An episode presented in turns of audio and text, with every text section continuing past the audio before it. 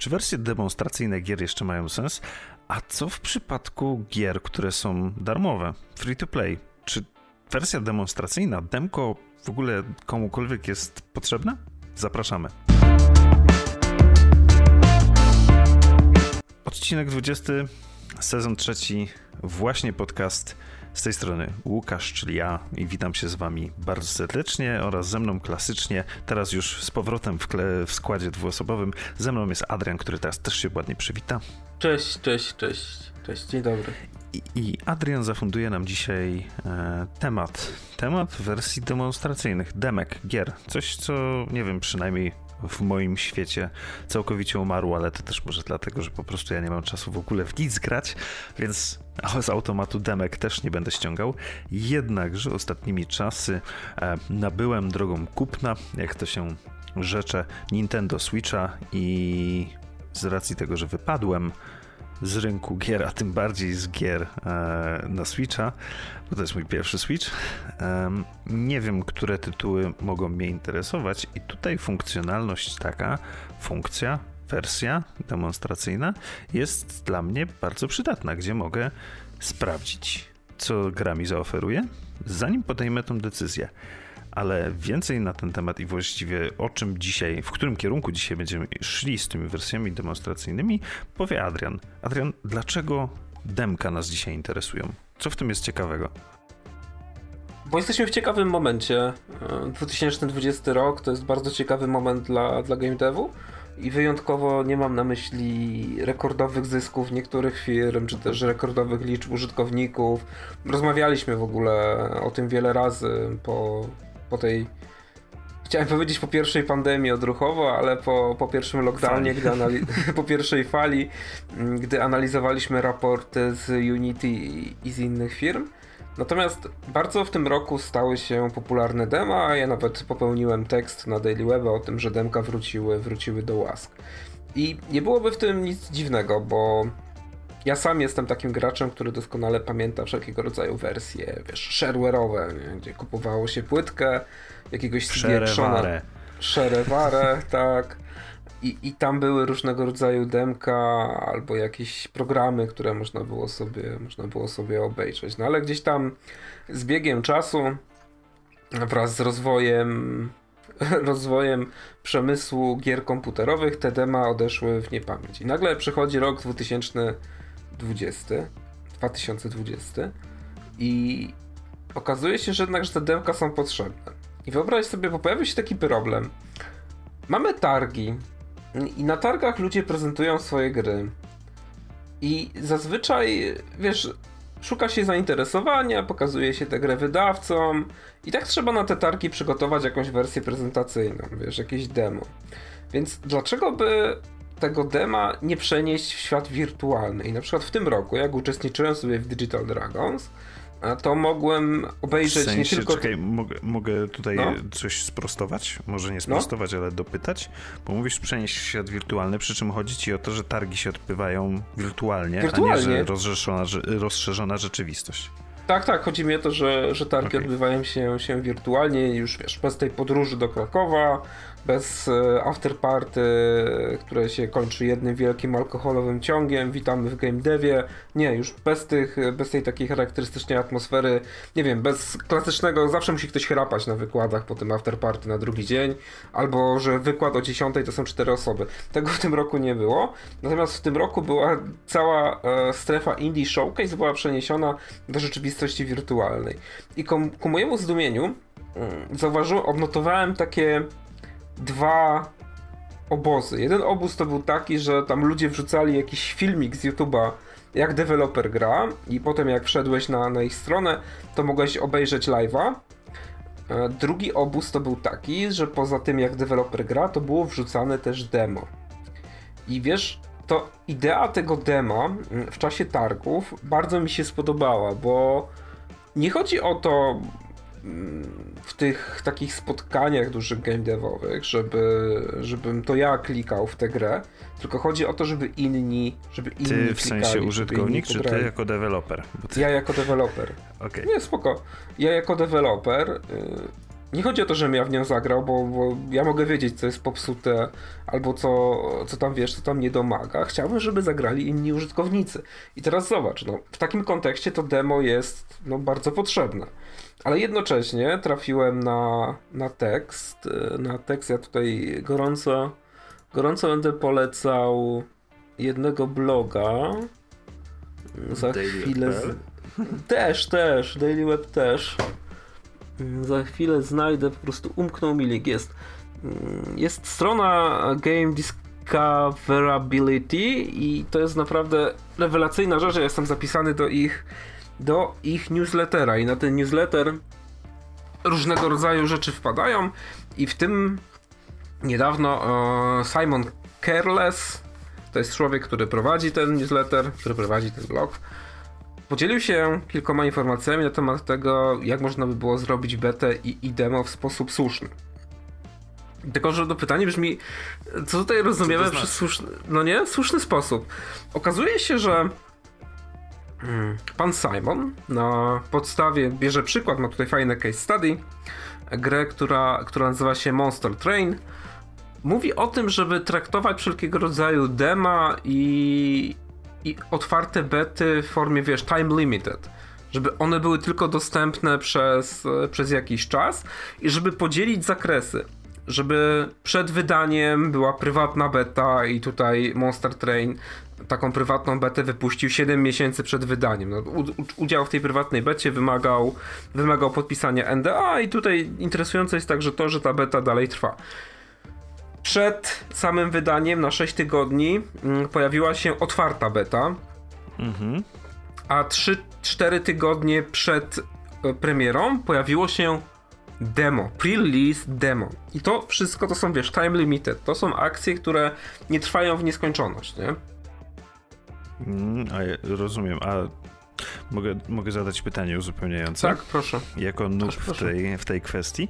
Jak mówisz, że takie demo jest time limited, no nie? Załóżmy, pobieram sobie wersję demo. Tak. Instaluję ją. Kończy się tak. ten czas, to rozumiem, że ona mi dalej działa, tylko po prostu już nowe osoby nie mogą. Nie, nie, nie, nie. I to jest, widzisz, bo tutaj mówimy, Monster Train jest na Steamie, więc oni twórcy tej gry robili coś takiego. Dostawałeś klucz do wersji demo, a mogłeś sobie i dostawać informację, że ta wersja demo będzie aktywna, nie wiem, przez następne 4 tygodnie, tak? Po tych 4 tygodniach ten klucz yy, wykorzystywano taką możliwość ze Steama, że blokowano dostęp do gier aktywowanych z tych kluczy. I to demo ci znika, nie możesz już w nie grać. Tak samo cały postęp twój w grze też znika. Masz tutaj, widzisz, właśnie to jest dla mnie interesujące, bo ja zawsze myślałem o tych demach jako takich oddzielnych bytach, które egzystują jakby obok, nie? Wiesz, że jako mhm. takiego, jako taki typowy mechanizm marketingowy. I byłem bardzo zaskoczony tym stwierdzeniem w artykule, że e, są niskie, niskie konwersje, no ale no, jak się tak zastanowić później, no to rozumiem dlaczego. No, zobaczyłem, że gra mi się nie podoba i po prostu jej nie kupiłem, mimo że demko zostało, zostało pobrane. Natomiast tutaj jest propozycja, żeby wykorzystywać te otwarte bety, dema do tego, żeby budować społeczność, wiesz? I no, no nie wiem jak ty to czujesz, ale e, ja na przykład nie do końca w stanie jestem sobie ułożyć tę, tę strategię tego dema tymczasowego. E, nie Jeśli chodzi o budowanie społeczności, szczerze mówiąc. Dlaczego nie rozumiesz budowania społeczności? No. Jakie demo ma wpływ na budowanie społeczności? Znaczy, rozumiem, że chodzi o budowanie zaangażowania tych potencjalnych tak, tak. późniejszych klientów. Tak to powiedzmy. I jakby nie widzę tutaj z tej społeczności. No jak, puszczamy 3-4 tygodniowe demo i, i, tak jak robimy, tak jak w artykule, informujemy, że jeśli chcesz mieć dostęp do tego demka, to musisz dołączyć, dołączyć do Discorda. Okej. Okay. Już I zbieram ludzi. Już sobie podtrzymujesz e, ich e, zainteresowanie, tak. ale tak, no właśnie. Tak, w ten no, sposób. Okay. Już bardziej to rozumiem, ale dalej Już bardziej, prawda? No bo też jak, właśnie widzisz, i to jest właśnie to, bo ja też jak myślę o demie, to jest tak jak robiłem teraz recenzję tego Rover Mechanic Simulator na Daily Web o tym, że się naprawia łaziki, nie? I tam demo jest cały czas dostępne. To nie jest tak, że to, że to demo było dostępne tylko przez jakiś określony czas. Nic nie stoi na przeszkodzie, żeby ktoś sobie pobrał to demo, wiesz, ograł je i zobaczył, czy, czy taki styl rozgrywki mu pasuje. No jest to symulator, więc no, po ograniu tego dema obawiam się, że zobaczy się już większość, no przynajmniej 80% tego, co będzie się robiło w grze, nie? w tej właściwej mm -hmm. produkcji. Natomiast ono jest cały czas dostępne. To, to nie jest tak, że to demo, że to demo zniknęło. I gdzieś jakoś to mi się nie chce, wiesz, w głowie, w głowie ułożyć. Bo no, proponowałeś, żebyśmy dyskutowali też o, o grach free to play. No bo czy takie. Czy ta metoda tworzenia dema przy grach free to play, Twoim zdaniem, ma jakiekolwiek zastosowanie? Przede wszystkim tak na chłopski rozum to biorąc, najlepiej zacząć od początku, ale w każdym razie demo, czyli wersja demonstracyjna, w pewien sposób no de facto darmowa, gry, która jest darmowa. Jak wygląda demo gry free to play? To jest w tym momencie pytanie do pana. No dobrze, okej, okay. i to jest bardzo słuszne pytanie. Widzisz, przygotowując się do odcinka się nad tym zastanawiałem. Otóż możesz zrobić coś takiego, że demo traktujesz, w ogóle odcinasz, załóżmy, że masz grę free to play, która ma jakieś elementy sieciowe ale na chwilę obecną nie zależy ci na tym, żeby robić typowe stres testy, tylko chcesz mhm. na przykład, nie wiem, skoncentrować uwagę użytkowników na walce. Więc robisz wersję demonstracyjną, w której robisz builda, w którym kluczowym aspektem całej rozgrywki jest walka. Upraszczasz, wiesz, te wszystkie, wszystkie kroki mhm. prowadzące do wejścia, okay, do wejścia w ten najważniejszy to, tak, to jest pewnego rodzaju beta, bo rozumiem, że produkt, czyli ta gra free to play nie jest jeszcze dostępna. No tak, tak.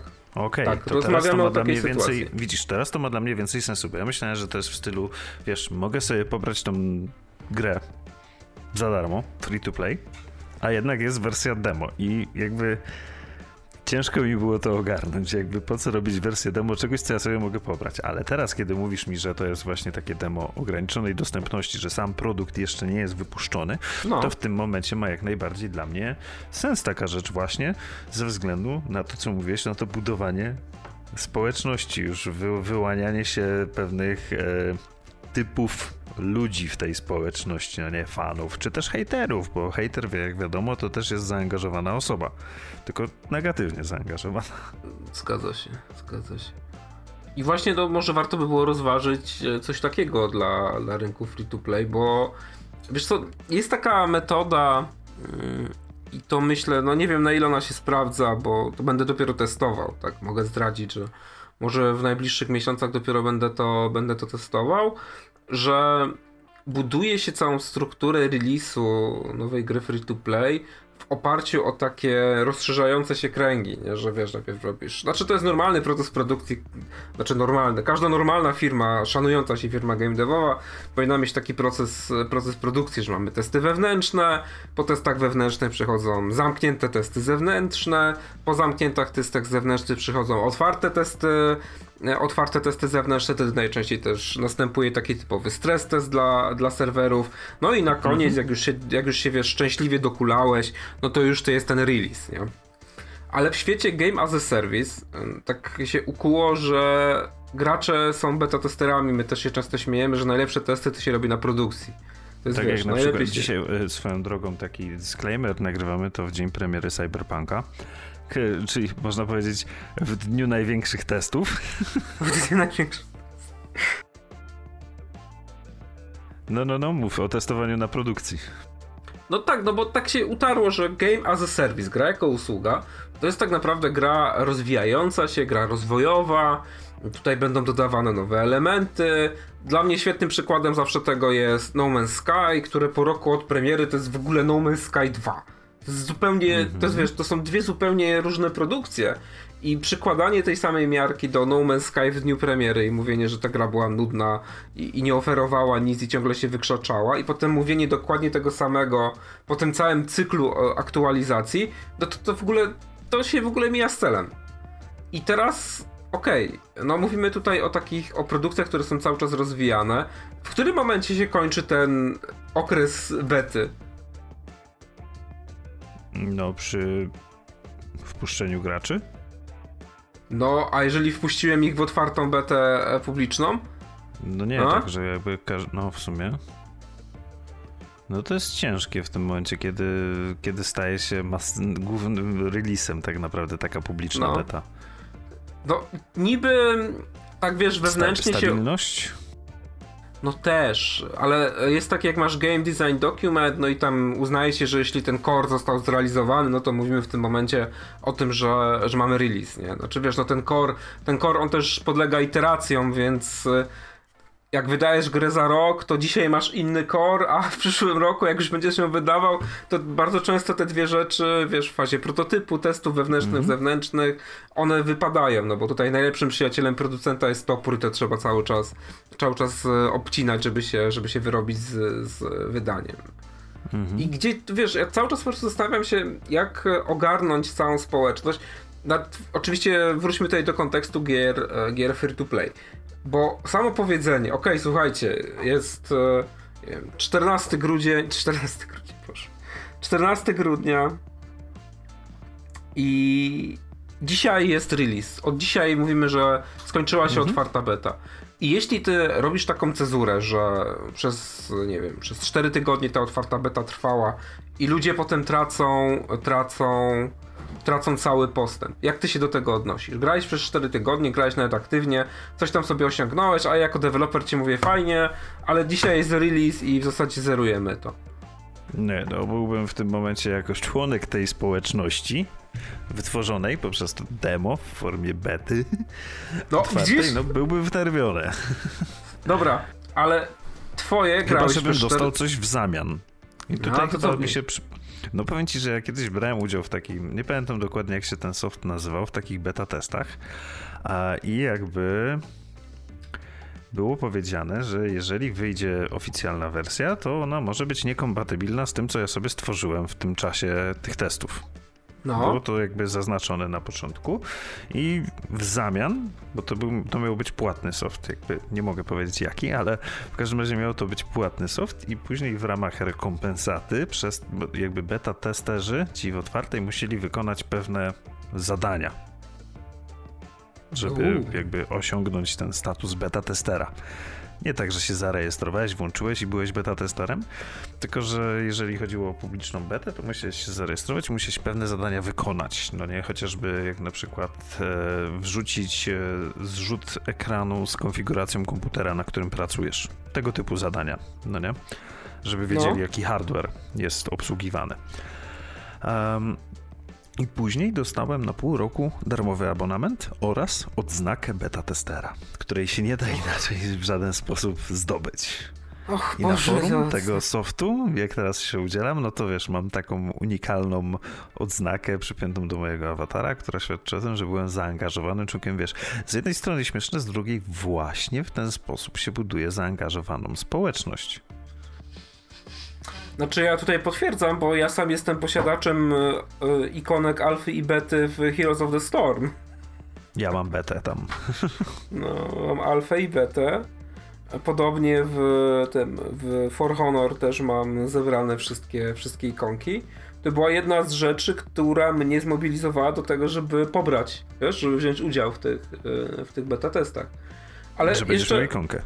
Tak, tak, no, że coś, że coś zostanie, no bo bo to właśnie to, co powiedziałeś, że jeśli deweloper odcina całkowicie ten okres bety, to musi dać coś w zamian. To jest naturalny odruch. Też no nie wyobrażam sobie, żeby to było No ty inaczej, poświęciłeś swój czas, a jak wszyscy dobrze tak. wiemy, czas to pieniądz. Tak, zgadza się. Jednocześnie też rozumiem podejście niektórych deweloperów, którzy robią takie hard resety, no bo jednak e, Często te wersje z release'u one zupełnie inaczej wyglądają niż te, niż te z bety. Tam troszkę są inaczej mechaniki podokręcane, jeśli chodzi o gry free to play. Trochę inaczej jest progresja gracza ustawiona. Też ci gracze, którzy już grali przez 4 tygodnie, no mogą być, wiesz, bardzo do przodu w stosunku do tych, którzy którzy dopiero teraz się pojawią. I faktycznie takie, takie nieinwazyjne rzeczy, typu odznaka, jakaś plakietka, jakiś tytuł, który będzie widoczny dla wszystkich, no to ja tutaj to całkowicie popieram. Ale, bo poruszyłeś jeszcze inną, inny temat, co mi się bardzo spodobało, z czym ja się jeszcze kilka razy spotkałem, nie inaczej, w game devie się jeszcze z tym nigdy nie spotkałem, że trzeba kilka rzeczy wykonać i trzeba się podzielić jakimś feedbackiem. W artykule, mhm. który stał się inspiracją do, do tego mojego tekstu, tam e, pokazano, mm, pokazano taką metodę, żeby zbierać feedback na zasadzie, wiesz, grasz, pojawia się informacja, że jeśli chcesz nam przekazać jakąś opinię, to wciśnij przycisk F8 i ją wyślij. Jak twoim zdaniem to działa? Czy wolisz, żeby ankieta była na koniec, czy w momencie, w którym coś się pojawi? Mm, wydaje mi się, że powinna być w momencie, gdy się... Inaczej, bo to jest jakby... Ta ankieta jest kontekstowa bardzo, w sensie... Z pytasz o konkretne rzeczy, no nie, bo chcesz się czegoś konkretnego dowiedzieć. I jeżeli ja przynajmniej bym to tak rozegrał, ale to jest jakby, wiesz, poparte badaniami Instytutu z, no, znikąd. No tak, wiem. że ja bym przede wszystkim poinformował, jakby wiesz, przy zapisie do beta testów, że będziemy wysyłać w pewnych momentach ankiety i zależy nam na tym, żebyś wypełnił je właśnie wtedy. Poinformował mhm. o tym użytkownika, bo de facto wiesz, jeżeli mówimy o angażowaniu społeczności, no to oni muszą wiedzieć co i jak jest też z naszej strony, bo w tym momencie będą się czuli częścią tego co testują. Nie? Znaczy to jest zdradliwe, bo w tym momencie wiesz, jakby jak już idziemy drogą transparentności, to musimy to utrzymać. Nie ma tak, że tylko trochę jesteśmy transparentni, no nie? Bo to, to się źle kończy. Właściwie zawsze. W każdym razie e, ja bym taką przygotowując właśnie takie beta testy, informując o tym użytkownika, że będą takie ankiety w konkretnych momentach, to właśnie wtedy bym go pytał. Jednakże e, tutaj chciałem jeszcze zaznaczyć odnośnie tego, że trzeba, musiałem wykonać pewne zadania. To było tak, że jakby jak weźmiesz udział w beta testach, to dostajesz awatar beta testera, ale jak weźmiesz w nich w zaangażowany udział, to dostajesz, wiesz, Uber beta testera, powiedzmy, no nie? Uber beta tester, no. Więc jakby to jest właśnie to, wiesz, ten powiedzmy e, awans społeczny, no nie? A jakbyś to zrobił w grze? Załóżmy, że robimy razem grę i ja już siedzę tak głęboko w tym wszystkim, że ja wielu rzeczy nie widzę, że trochę Jakiego czasem mi się gra? włącza takie, takie tunnel, że no e załóżmy MMO? robimy... Pff, nie, nie robimy, nie robimy MMO. Który mamy rok? Kolego. Rok Kto MMO. normalny? Jak chcę MMO. Kto normalny robi MMO w tych czasach? Nie. Robimy, RPG też nie robimy. Ja jestem przeciwny temu, żeby robić ciągle, ciągle RPG, już tych RPGów jest od groma. Robimy Tajkuna i to będzie symulator supermarketu. Dobrze. I no dobiliśmy do takiego momentu, otwarta beta już... jest. Mhm. No to już ci mówię, jak ja bym to, jakby wiadomo, wymyślam teraz na bieżąco, zaskoczyłeś mnie tym pytaniem, to nie jest spreparowany odcinek, więc jeżeli nie, ja nie bym jest. miał takie coś Ale zrobić... ja tak, ja tak zdradzę, że często tak w game devie wyglądają stand-upy, że nagle ktoś przychodzi i mówi, słuchajcie, bo 4 tygodnie do release'u i trzeba by zrobić jakieś badania. Czy ktoś ma jakiś pomysł? Nie tylko w game devie.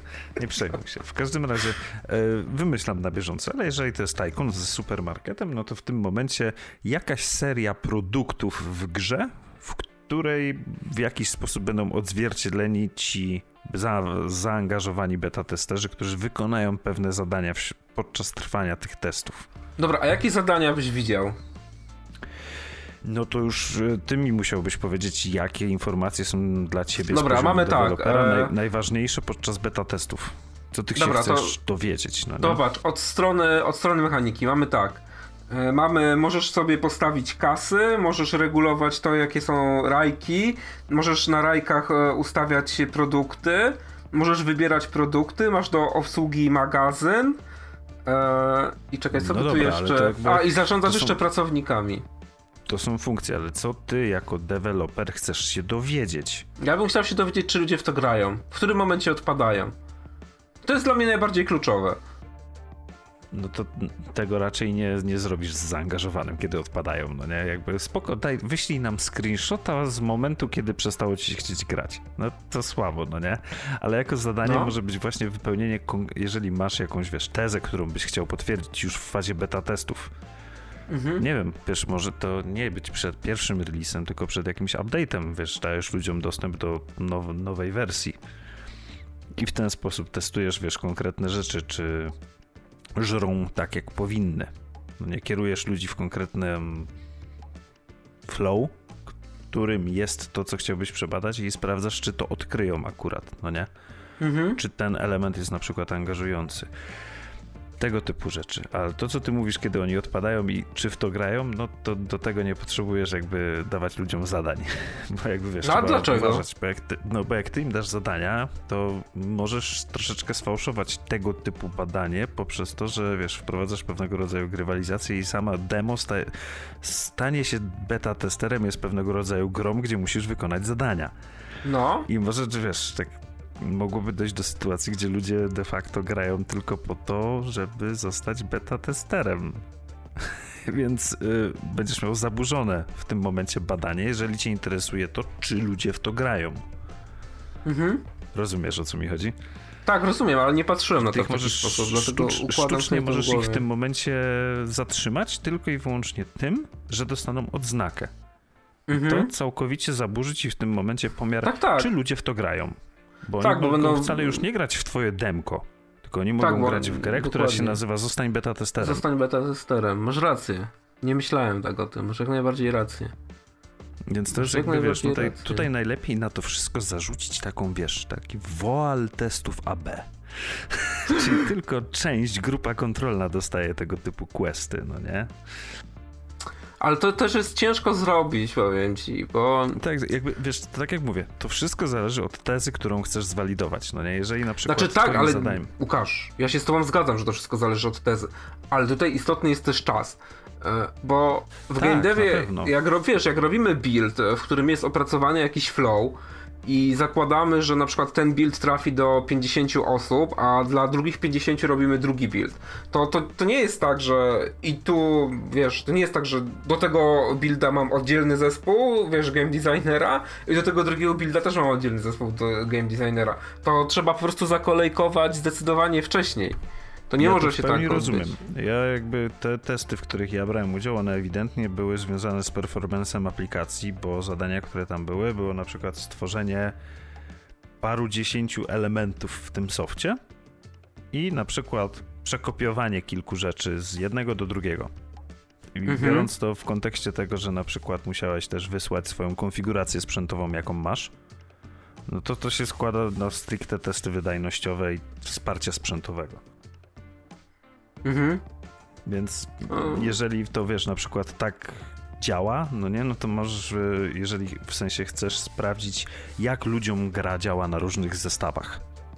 No to nie no wiem, tak, tak, nagraj, to się robi. Nagraj, 10, nagraj, wiesz, minutowe wideo na przykład, jak przebiegasz przez jakąś tam konkretną miejscówkę w demo. Znaczy, wiesz co, jeśli chodzi o to, w jakich, na jakich zestawach ludzie grają, to bardzo dużo platform dystrybucyjnych, z których się korzysta, czy to Steam, czy E, Google Play, one oferują coś takiego, no, że możesz podejrzeć, nie wiesz, na czym, na czym kto gra i czy to w ogóle się spina e, z twoim takim podstawowym sprzętem, który sobie założyłeś. Bo ale wiesz, to jest taka... nie wiesz, jak to śmiga na tym sprzęcie, wiesz tylko znaczy, na czym grają, ale nie wiesz, jaki jest experience tych ludzi. Tak, jak najbardziej. W pełni się z tą zgadzam. Tylko chciałem jeszcze dodać jedną rzecz. Zawsze zakłada się pewne wymagania minimalne, a potem szuka się jeszcze urządzenia, które ich nie spełnia. Bo Rozumiem. zawsze jest. Nigdy nie Metoda ma czegoś eliminacji. takiego. Tak, ale nigdy nie jest coś. Zawsze jest coś takiego w game devie, że jak dasz minimalne wymagania, to gwarantuję ci, że znajdzie się jeszcze 150 dodatkowych osób, które popatrzą na te minimalne wymagania i powiedzą tak. A, dobra, zobaczymy, czy pójdzie.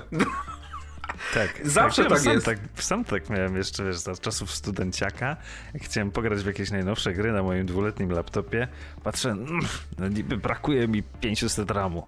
A, może A. pójdzie, najwyżej wyłączę deszcz. Tak, jakoś, go, jakoś tam szarpnie, nie? I to jest, to jest naprawdę, to jest standard i to mi się podobało, jak byłem na takiej serii wykładów, e, już nie pamiętam jaka to była firma, i oni właśnie o tym mówili, że mieli sprzęt, znaczy, że najpierw popełnili błąd, bo przed wydaniem gry testowali ją na takim, wiesz, wypasionym sprzęcie, takim typowo game devowym, nie? 32 giga RAMu, jakiś taki porządny ten RAM, dysk SSD, e, wiesz, porządna karta graficzna dedykowana i tam, wiesz, wszystko śmigało, nie? Potem oni to puścili, mm, zrobili taką fazę otwartą betę i się okazało, że ludzie nie są w stanie załadować sobie mapy bo wiesz, u nich to działało, ten sprzęt sobie to, sobie to wybrał, natomiast okazuje się, że jak trafiło to, to na taki sprzęt konsumencki, no to ludzie nie byli w stanie sobie puścić tej, tej produkcji, mimo że oni tam ustalili jakieś minimalne wymagania. To Ciekawe. oni nauczeni dość... No, no? Przepraszam, mów, kontynuuj, przepraszam. Oni nauczeni doświadczeniem przy następnym releasie zrobili coś takiego, że tak, jak zrobili minimalne wymagania i przetestowali to na minimal, minimalnych wymaganiach, to potem zaczęli szukać konfiguracji, często po prostu biorąc jakieś komputery, wiesz, z domu, od rodziny, żeby sprawdzić, czy to będzie, jak to będzie się zachowywało, jak ktoś to odpali poniżej minimalnych wymagań. Bo zauważyli taką tendencję, że dużo osób, które narzeka na problemy z optymalizacją i na to, że gra nie działa, one często grają poniżej minimalnych wymagań. Rozumiem. Chciałem powiedzieć, że dzisiaj widziałem takiego tweeta, że gościu się żali że, o, o cyberpunku, że mm, jak w ogóle mogli takie coś wypuścić, że tekstury ładują mi się paręnaście sekund, jak wpadam na jakąś lokację, że gra się ładuje tam więcej niż 20 sekund. A, no, tego typu problemy zgłaszał w twicie, no nie? A, mhm. No i jakby był zrzut ekranu, na którym było, aha, że jeszcze gra działa w 720 w rozdzielczości 720p. No i to było, że to jest na Play 4. No i na jakiś tam na bardzo, no chyba nawet bardziej splusowy ten serduszkowany komentarz, albo odpowiedź właściwie, a nie komentarz na tego tweeta, e, była, że sposób na rozwiązanie tych bugów jest bardzo prosty, kup PlayStation 5. No jakby to też tak troszeczkę mi się skojarzyło akurat z tym, co mówisz, tych minimalnych wymagań. No. Tak, to jest to, ale to jest to. To jest to. Wiem, byłem, robiłem takie rzeczy i wiesz, y, ja na przykład miałem ten problem z cyberpunkiem. Jest wróć, to jest frostpunkiem, też, też punk w nazwie, no nie, i też polska produkcja, to mi się rypło. Bo pamiętasz tą moją historię, o której już mówiłem, tak. że na Maca miało być, ale nie było. No ale tak było, jak ci dawałem ten klucz z Humble Choice, to było tam. Tak, było, że jest na Maca. Nawet na Steamie było pokazane, że jest na Maca, ale nie było na Maca i chyba nawet dalej nie ma. W każdym razie miałem laptopa e, tego na Windowsie, który nie spełnia minimalnych wymagań, ale bardzo we Frostpunka chciałem pograć. I naprawdę, uwierz mi, że gra się potrafiła e, wywalić, jak miałem największy zoom out no nie? Jak mhm. chciałem widzieć jak najwięcej. I no, grałem po prostu na przybliżonym cały czas. Pamięci Ale nie na maksymalnie. Tak. Nie, na, nie, nie, myślę, że to było raczej coś z grafiką niż z pamięcią, bo RAMu No to, to też brakowało ci pamięci do renderowania grafiki po prostu. Tak, no bo tam jest, wiesz, Intel, Intel jakiś, no nie? Nie, sorry, tam jest GeForce, ale jakiś starszy, mobilny, no nie? W każdym razie RAMu tam jest wystarczająco, ale ewidentnie karta graficzna EE nie chciała współpracować i na szczęście nie musiałem grać w maksymalnie maksymalnym, powiedzmy jest 10, 10 stopni powiększenia.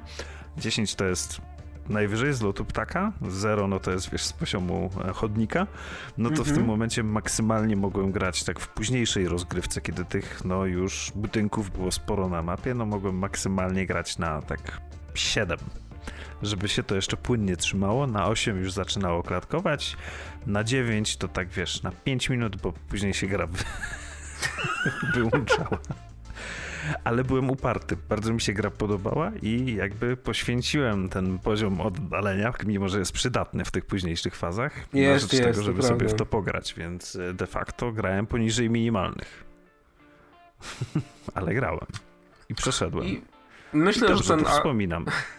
że ten anegdotyczny przykład dobrze oddaje myślenie użytkowników, jak dostają produkcję do ręki. Także ja też jestem przekonany, że jak e, CD Projekt Red opublikował minimalne wymagania tego cyberpunka, to gwarantuję, że ten cyberpunk dzisiaj jest odpalany na mnóstwie komputerów, które tych wymagań nawet może trochę spełniają, ale no są takie, które ledwo się prześlizgują. Mam kartę, ale nie mam RAMu. Mam RAM, ale nie mam grafiki. No i no wiesz, i odpowiedzią na te wszystkie twoje zagwozdki może być Google Stadia, nie? Tak, tak, ja planuję. Jak będę miał więcej czasu w przerwie świątecznej, to planuję jednak kupić wersję Cyberpunka, ale w wersji Google Stadia, bo nie mam sprzętu, nie mam na czym grać. A będę Ciekawe. bardziej ekologiczny chyba w tym momencie, no nie? Nie mam pojęcia. kupię cyfrową dystrybucję, to jeszcze. Ale cyfrowa dystrybucja nie jest bardziej, bardziej e, ekologiczna od fizycznej. Jeśli ktokolwiek ci tak mówił, to jest bzdura. Wiesz co, to brzmi jak ciekawy temat na odcinek 21 naszego podcastu. Nie widzę problemu, mogę przygotować kilka materiałów i, i sobie obejrzysz i, i porozmawiamy i myślę, okay, że dzisiaj No i tak się zbliżamy do naszej granicznej Tak, tak, już, już ją przekroczyliśmy. Markera, więc już przekroczyliśmy od razu może zapowiemy, że odcinek 21 będzie o tym, czy elektroniczna dystrybucja gier jest bardziej ekologiczna. Troszeczkę Dobrze. nawet rymem zaleciało. W każdym mm. razie myślę, że możemy też gasić już światełka powoli. Tak. No, nie powoli, po prostu gasimy.